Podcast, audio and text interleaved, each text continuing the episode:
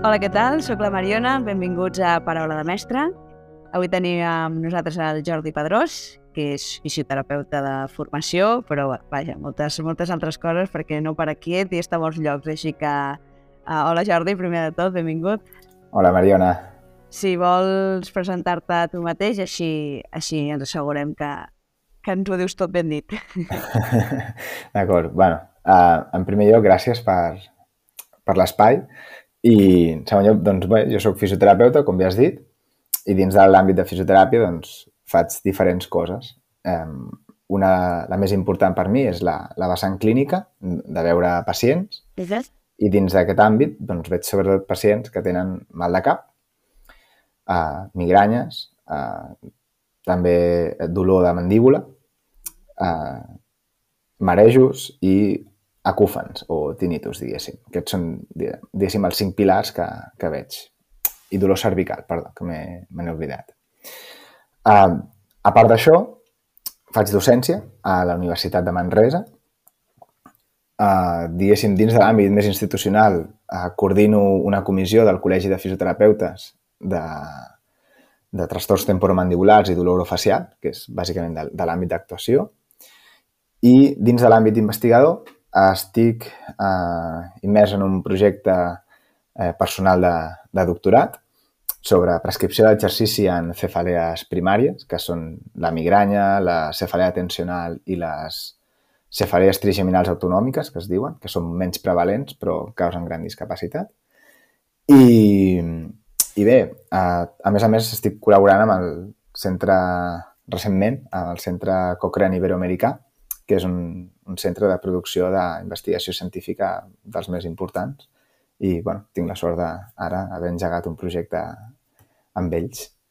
I, i res, una mica aquest és el, el resum perquè la gent es situï. I a part d'això tinc vida, eh? No, no. Intento viure al màxim. És important, això està bé també, tenim moments per un bandit. Uh, molt bé, doncs, bueno, com veieu, aquest episodi serà una miqueta diferent, tot i que també ho enfocarem doncs, també en això, no? doncs en el dolor també en els infants, com, com pal·liar-lo i tot i que també farem una visió més general per, per entendre-ho tot, perquè al final els nens també són persones i seran adults en el futur. Doncs bé, Jordi, si, si vols començar, ja que també és molt expert en, en tema mandíbules, eh, una mica per posar-nos en situació, no? la importància de, de la mandíbula o la formació en la de mandíbula des de que són petits per després tenir un bon, bon, bon, una bona musculatura i evitar, evitar els dolors. No? Sí, um, bàsicament el, el, el tema de, de, de a tractar del, del dolor mandibular i del dolor de, dels mals de cap és perquè grans coses de les que ens passen d'adults són carències que hem tingut a la infància des del punt de vista físic, no, no m'estic referint a, a res emocional. Eh? I, I el moment més important per prevenir moltes de les patologies que jo veig a consulta en adults s'han de, de fer a, durant el, el creixement. I crec que per això és justificat parlar d'aquests temes a, en un espai com aquest. I dit això, doncs, um, parlem una miqueta de com es forma la mandíbula en, a, en els infants i, i això va lligat molt a la, a la funció de, alimentària. Um, en primer lloc, quan, quan un nadó neix, la seva mandíbula, el seu crani, no està perfectament format. Uh, bàsicament, la mandíbula té una forma plana i permet que la mandíbula inferior, que és la que realment té moviment, uh, es desplaci cap endavant i, per, i cap endarrere, únicament. Aquest és el, dona lloc al, al moviment de succió, que és el que necessita un nadó per començar a alimentar-se. Okay. A poc a poc, eh, es van introduint els aliments sòlids a la, a la dieta. I això pot passar abans fins i tot de que surtin les dents de llet. De fet, és un estímul més perquè surtin les dents de llet. I el fet de començar a introduir aquests aliments més durs i de començar a mastegar fa que la forma de la mandíbula passi de ser plana a ser còncava, de manera que la, la mandíbula inferior respecte al crani, respecte a l'os temporal, que és on, on s'articula, eh, tingui una forma molt més congruent, sigui molt més estable. D'acord? I això forma, bàsicament, l'estructura mandibular i cranial. I això passa des de més o menys els dos anys fins als 14, és on es produeix eh, aquesta adaptació. Una adaptació de, de bastants anys. Després segueix, però sobretot el, el gruix es produeix en aquesta etapa. I això per què és important? Doncs és important perquè en el context en el que vivim ha canviat molt la forma d'alimentar-nos i, òbviament, d'alimentar el, els nostres infants.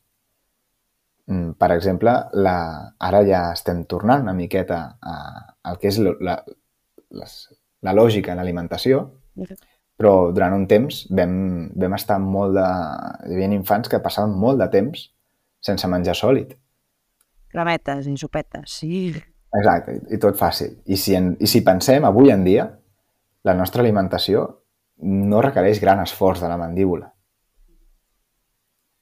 que sempre doncs, són coses fàcils de mastegar i les que són difícils les podem tallar per fer-les fàcils. Cert, sí, és veritat. És dir, que el que fèiem fa uns anys, com rosegar arrels per treure llavors o rosegar ossos per treure el, el moll de l'os, això ja no ho hem de fer amb les dents. Ja vam començar, de fet ja fa, fa molts anys d'història que vam començar a crear eines per facilitar-nos la vida. Però això no ha millorat la capacitat masticatòria. I una de les raons per les que jo veig pacients és perquè falta capacitat masticatòria. I això s'ha de desenvolupar durant els primers anys. I un dels factors més importants perquè una mandíbula no es desenvolupi bé és que un, un infant tingui un costat preferent masticatori, per exemple. A dir, el fet de mastegar molt més per un costat que per l'altre farà que el costat que sí que mastega es desenvolupi molt més que no pas el costat que no mastega. Llavors, per talli, hem d'estar atents a que el nostre infant vagi mastegant per les dues bandes.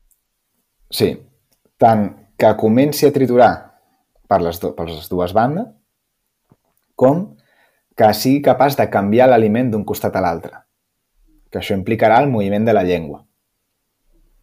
La llengua, de fet, és una de les estructures més importants del, de, la, de la cavitat oral i, i és un múscul que està innervat per fins a cinc nervis diferents i que té una, una capacitat sensitiva i motriu de les més grans del cos humà. I aquesta activitat s'ha d'estimular. Ok, llavors, uh, inter interpreto que els aliments, abans ho dèiem, no? la forma en què donem els aliments és important, però quins aliments donem també, no? Bueno, una altra entrevista que vam fer eh, parlàvem del baby twinning, no? de deixar que els nanos comencin mica en mica a agafar aliments més sòlids. Mm. Òbviament no donarem unes nous tres mesos, però, però anar introduint és important, no? Que aliments cada sí. vegada més sòlids. És important introduir i que fins i tot l'infant es cansi de mastegar, perquè vol dir que haurà mastegat prou ja. És a dir, a vegades l'infant no para d'alimentar-se, per exemple, perquè no es fatiga mastegant. I això també és important, vol dir que això és com un entrenament. Si tu no acabes entrenant suficient, no hi ha millora, no hi ha progrés físic. I en aquest cas, doncs, això ens passa. Um, I això ja s'ha vist que està relacionat amb, per exemple, el que els dentistes anomenen oclusió de tipus 2, que és una mandíbula inferior molt per darrere, una barbeta molt enfonsada, diguéssim, si miréssim la cara des del perfil, i, i això, la causa principal és dèficit masticatori durant el creixement. I llavors... És important. Perdó, digues, perdó, digues. No, no, era més que res, eh, llavors la, el fet de tenir una mandíbula dèbil, això que ens deies abans, que tu veus pacients per, per això, no? perquè no tenen una mandíbula prou, prou forta, en què, en què, quin, quina problemàtica hi ha, vaja? Mira, la problemàtica és, pot ser molt extensa.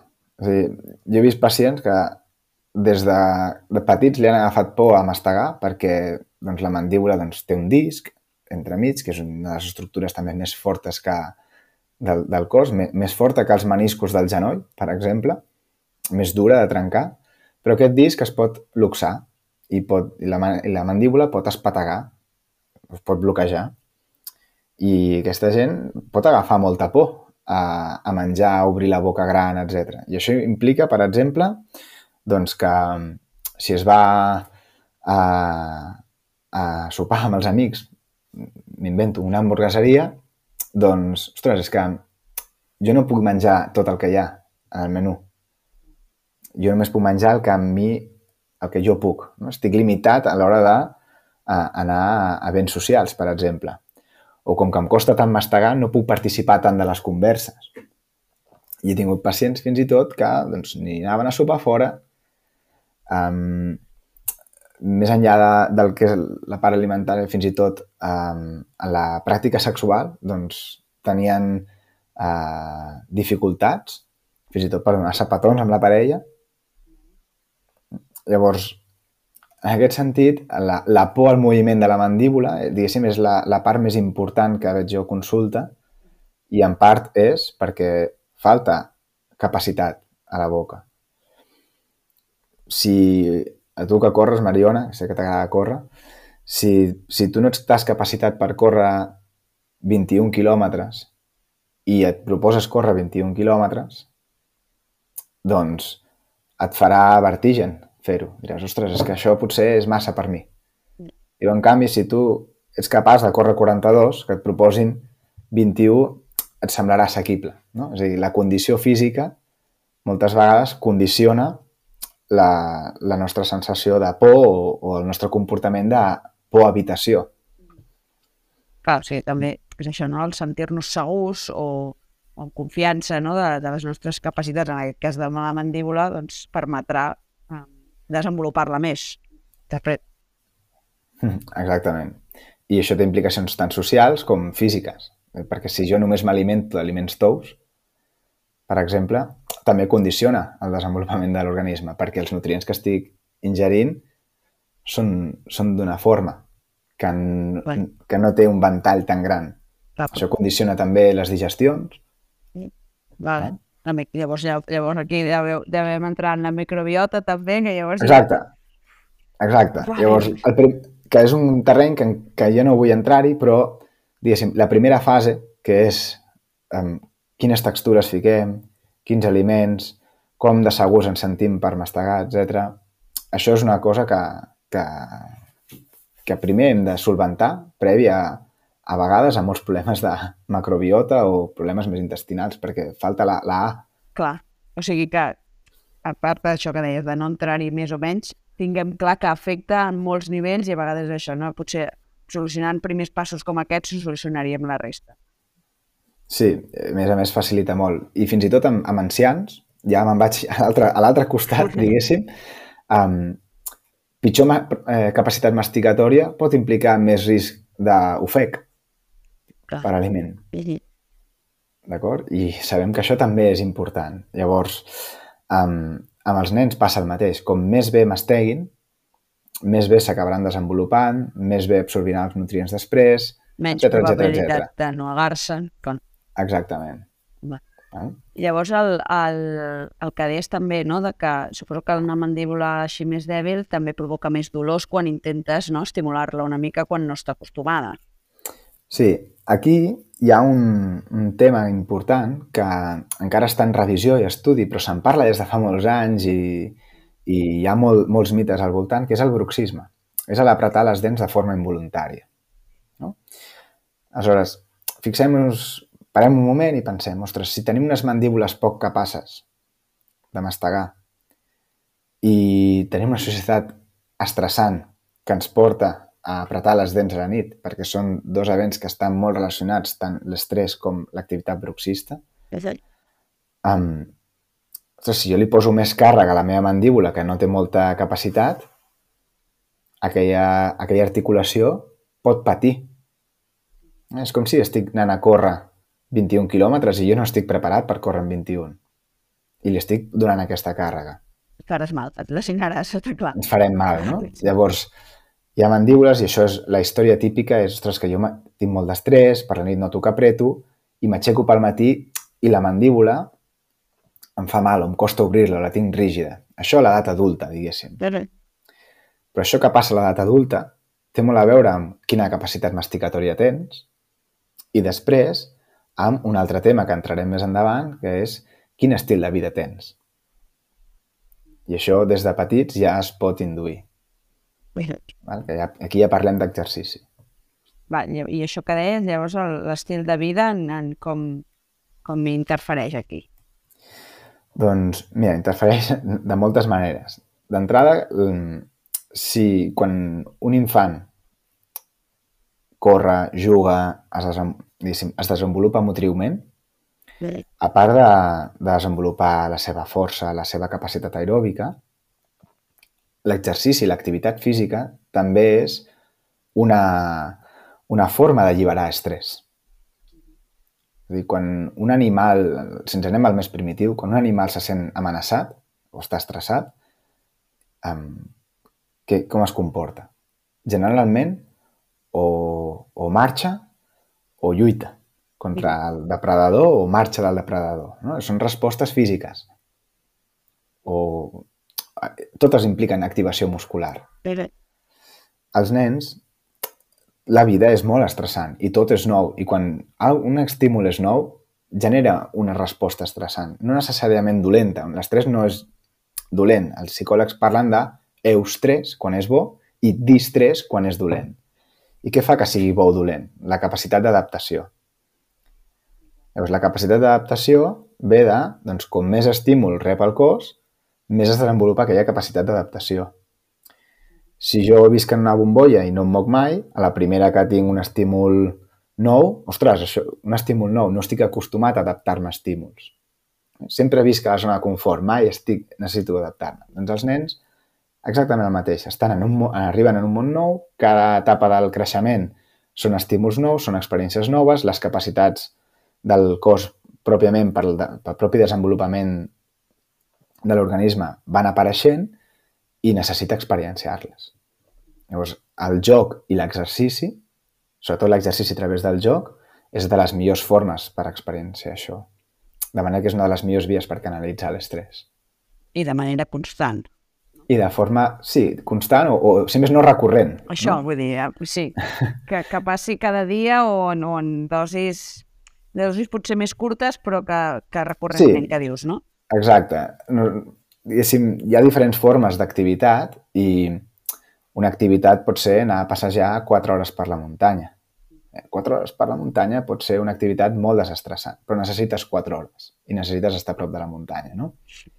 Um, però no tothom té aquest temps.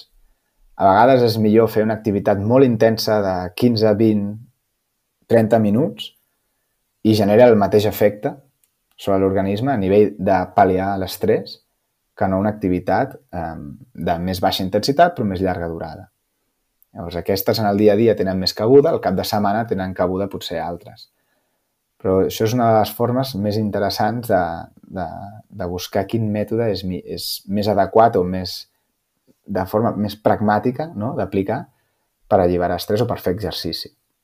Vale. A més a més, l'exercici aeròbic, diguéssim, que és el que jo estic més centrat, Eh, um, provoca uns canvis a nivell de, del consum d'oxigen. El consum d'oxigen és la variable més important estudiada en salut, pràcticament, que ve a dir que si el teu cos és capaç de captar més oxigen de l'ambient, capaç de transportar-ne més a través de la sang i de portar-lo als teixits, als músculs o al cervell, a les neurones, doncs la capacitat d'aquells teixits augmentarà. Per tant, ja sabem, ja ens hem fet fars de parlar d'exercici aeròbic i memòria, exercici aeròbic rendiment escolar, exercici aeròbic capacitat física, exercici aeròbic i dolor, em sembla que és el, el meu àmbit. No? Llavors, bueno, aquesta és una de les, de les vies més interessants i més fàcils de fer. Més fàcils de fer. sí, Nancy. Mm, Els nens ho fan sols, de fet. Si, de fet, si nosaltres deixem els nens sols en llibertat i companyia d'altres nens, el que fan és jugar i munten activitats d'alta intensitat, de baixa intensitat, d'intensitat moderada, de ara sprinto, ara paro, ara m'amago, ara aparec, ara... És a dir, amb, molt, amb moltes regles diferents, amb moltes formes de, de moure's diferents, i això, hem de, això ha de tenir el seu espai en el dia a dia. Sí, de fet, en un pati d'escola amb espai suficient, si no treus joguines, eh, que no, no dic que no sigui bo en, en moments bueno, com tot, hi ha d'haver de tota la vida, no? Però també jo crec en aquest, en aquest espai que dius, no? De, de deixar-los que inventin, que creïn, un, perquè els estimula uh, cognitivament, diguem-ho així, i a part això que dius, no? Uh, jocs de córrer, de perseguir-se, que ara fan un sprint, ara frenen, ara en tornen a fer un altre, ara van enrere, ara van endavant, que és un, un d'estímuls de, diferent, no?, que deies, de, mm. d'això de, de hits, no?, el, el, el Exacte. de cop. La, el HIT seria el, el High Intensity Interval Training, ah. seria l'exercici intervàl·lic d'alta intensitat, que mm, és una modalitat molt interessant que nosaltres posem en pràctica a la consulta, però, mm, però és una modalitat que ara mateix, bueno, com totes les modes, um, ara també s'està vulnerant i moltes coses que se'ls diu hit no, no són realment un hit, no? El hit bàsicament el que fa és portar la, el consum d'oxigen a través de l'exercici aeròbic el consum d'oxigen al màxim sí. perquè aquest segueixi millorant. I a més a més, a la vegada que això succeeix, el cos segrega unes substàncies que inhibeixen el dolor. Ostres, que interessant. Sí, perquè a més a més són substàncies que tenen més potencial terapèutic que no pas fàrmacs.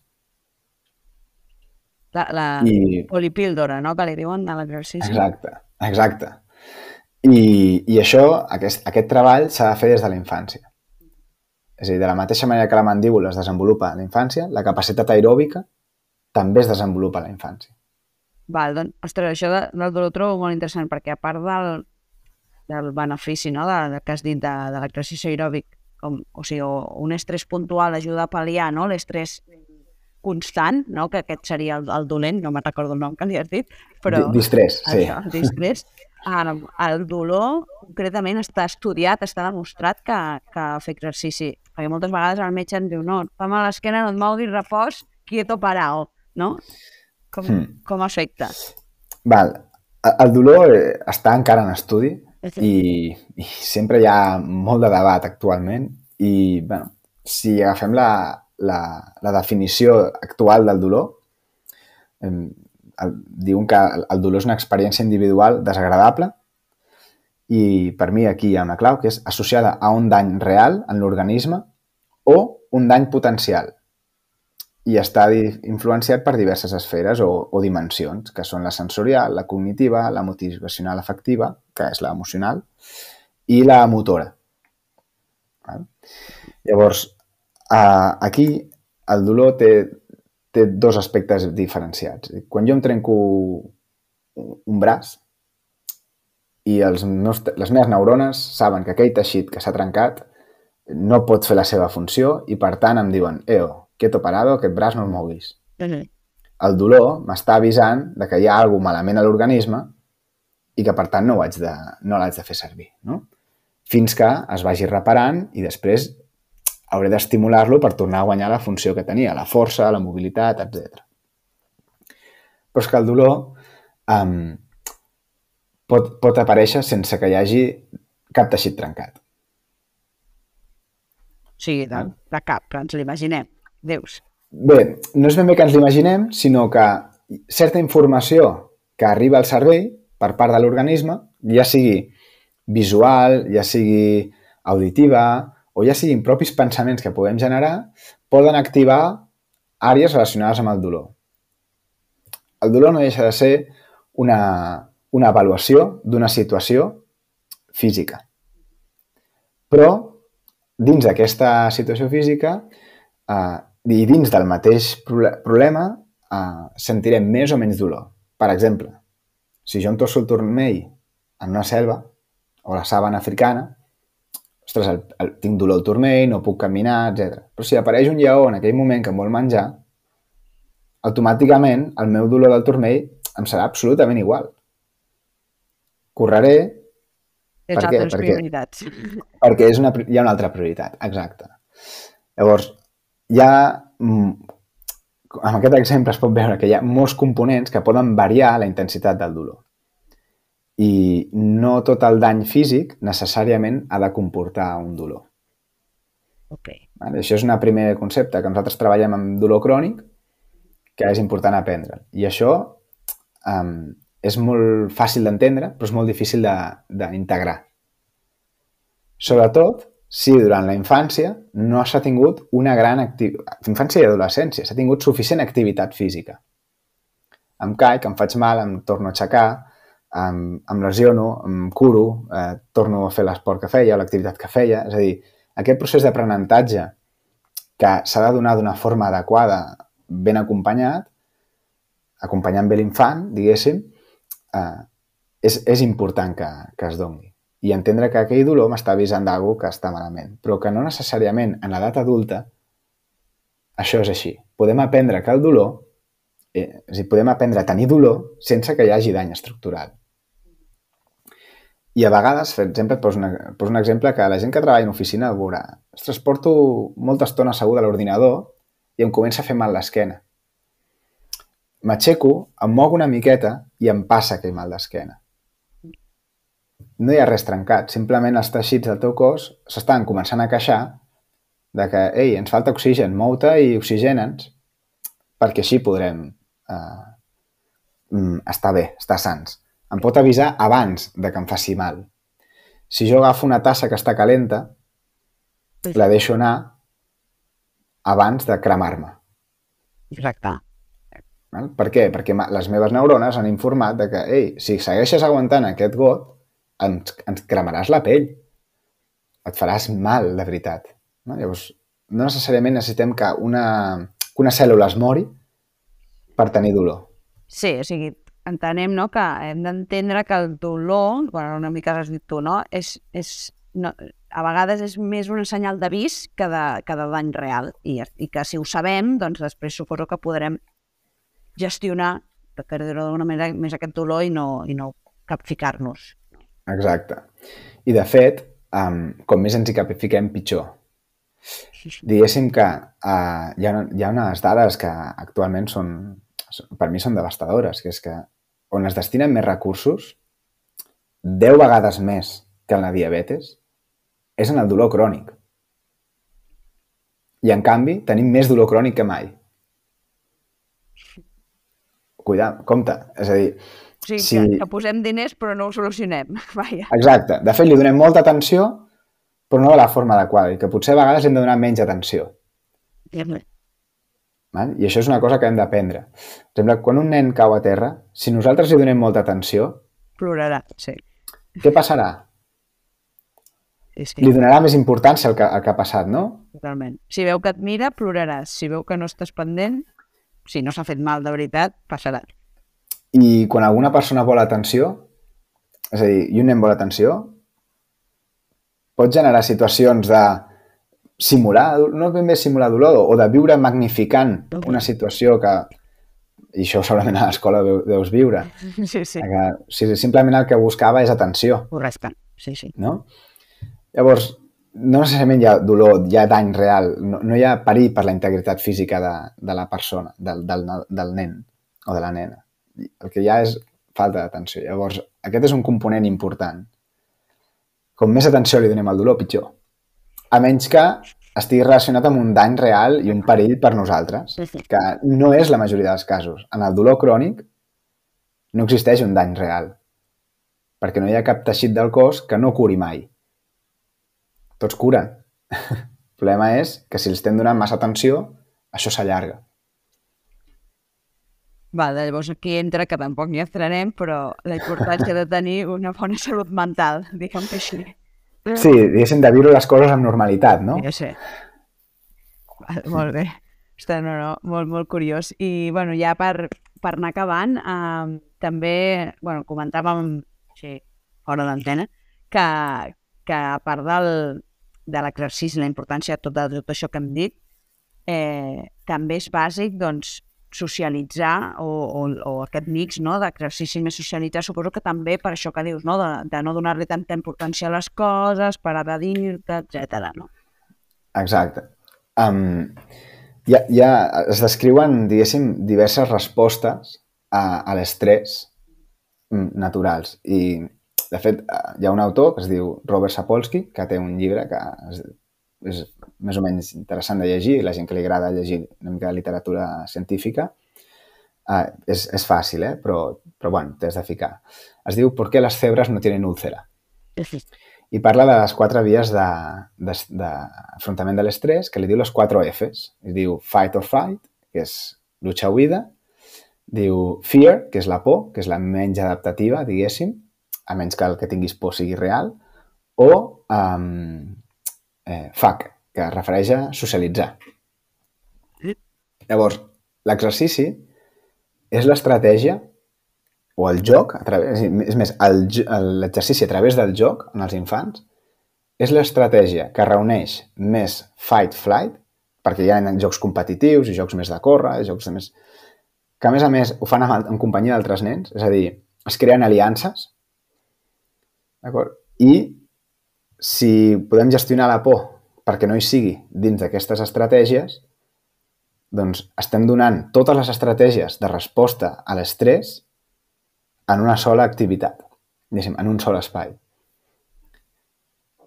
Per tant, eh, els nens han de jugar, han de jugar en companyia i és tan bo fer jocs competitius i saber competir com fer jocs cooperatius com fer tot tipus de jocs. No? Perquè ara estem en un pèndol neuròtic no? que ostres, competir i els resultats no és tan bo com... bueno, no és tan bo... Depèn de com ho gestionem, no? Sí, d'acord. Depèn de com ho gestionem. Si, si l'important és el resultat o l'important és competir. Llavors, competir no, no, no és un problema, perquè competir, portem competint tota la, tota la història de la humanitat s'ha competit i s'ha competit per, per una femella quan érem primats o per un, per un terreny o, o s'ha competit pel menjar, pel, pel menjar o s'ha competit pel que sigui. Sí, sí. Um, exactament. Llavors, el tema és com gestionar aquesta competició. Sí, és, és el que dius. El, el problema no és tant...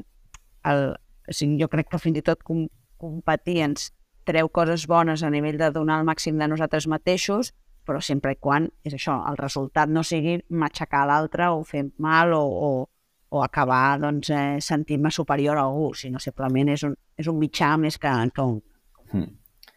Exactament. I de la mateixa manera, diguéssim, que eh, parlant no, del dolor, la salut mental, doncs de la mateixa manera que caure moltes vegades enfortirà el meu cos, no? igual que eh, doncs, si faig molt exercici, doncs el cos serà més fort físicament, eh, el fet de competir, perdre, guanyar, etc o, o competir, etc doncs, i veure a vegades per sota, a vegades per sobre, això també és positiu perquè acceptar d'alguna forma el fracàs a través del joc és una forma d'aprenentatge i acostumar-nos al fracàs és una forma d'aprenentatge.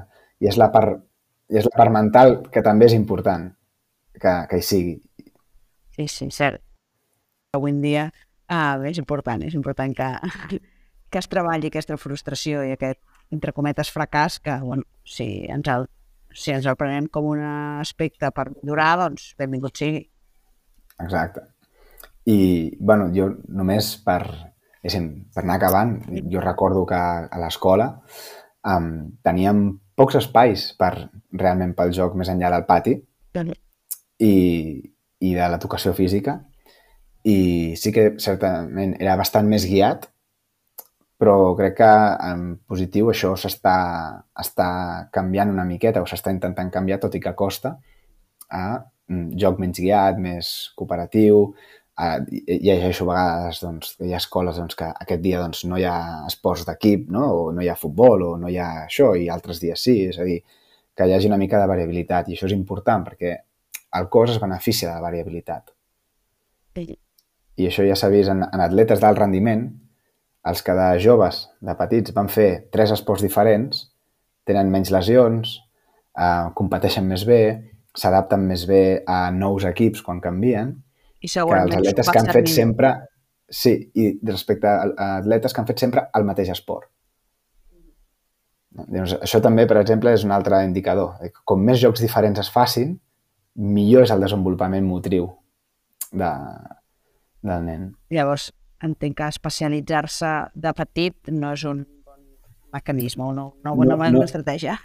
Exacte. No és bo ni, ni, ni, ni tan sols els números 1 en res, eh, han estat uns superespecialistes. Eh, perquè, per exemple, tu i a mi, que també ens agrada el bàsquet, el millor jugador de tots els temps, no? el Michael Jordan, doncs va fer béisbol també. No? És a dir, no, no, no, no va fer sempre bàsquet, per exemple. No? I a més a més, um, cada esport aporta una connotació social diferent, un context diferent i bueno, noves possibilitats per l'individu. No, i que et donarà habilitats probablement que no ho saps, però potser més endavant et aniran bé pel teu futur esport quan t'especialitzis.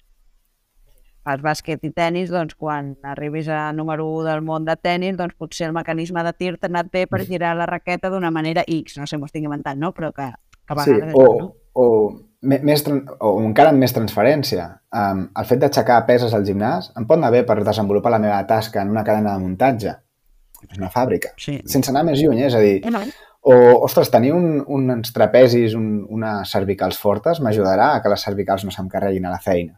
Sí. Oh, o tenir una bona capacitat aeròbica em permetrà que quan acabi la feina doncs, podré anar a córrer i oxigenar un altre cop el meu cos de gran. Llavors, que en el dia a dia segur que el farem servir aquest, aquest exercici, estic clar. Exacte. Llavors són, són coses que en, ens permetran eh, prevenir malaltia, prevenir dolor. I ho aprenem de petits. El que no ha fet exercici abans dels 15-16 anys és molt més difícil que en faci més endavant. I és molt més fàcil que tingui dolor i discapacitat. I, ja, I per acabar, hi ha una pregunta que ja crec que sé el que em respondràs, però perquè quedi clar, a vegades, eh, bueno, la gent no, que, que més, de petits és com innat el, el moure's, però molta gent de, de més gran ja no, ja no fa tant exercici. La meva pregunta és, sense fer exercici, no, no, no, no pautat, eh? no anar a córrer cada tres dies, sinó un exercici de moviment general en el teu dia a dia, sense això pot, ser, pot estar una persona sana? Mm, pot ser. bueno, diguéssim que el seu comptador cap a malaltia va baixant. Llavors, depèn de lo alt, de lo alt que estigui abans, que això té a veure amb molts factors, des de factors genètics com bueno, mm, factors també personals, eh, de personalitat també, diguéssim, doncs, bueno, però el comptador es va posant, va, va baixant. Comprar més números de la loteria per, Exacte. per acabar. Sí, sí. Molt bé. Exacte. Doncs, ostres, molt bé, Jordi. La veritat és que ha estat un episodi diferent, però, però m'ha agradat molt perquè hem tocat molts temes i però que al final estaven tots relacionats, no? Acabant uh, entenent doncs, això, doncs, uh, es comporta el nostre cos amb, sense exercici, eh, com afecta en el dolor, i no, no, molt, molt interessant. Doncs res, moltes gràcies per, per passar per aquí. Eh, ha estat tot un plaer i hem après molt, molt de les teves paraules. Moltes gràcies, Mariona, i bueno, penso que també és important això perquè els pares, doncs, si saben això, a vegades poden identificar-ho amb ells mateixos fins i tot i aplicar-ho a nivell familiar. No? Llavors, bueno, tot el que sigui aportar una, una miqueta, compartir una miqueta aquest estil de conversa a mi sempre m'agrada i encantat de, de fer-ho aquí. Així que gràcies. Genial, doncs uh, el que hem dit, eh, gràcies per tot. Una abraçada. Abraçada.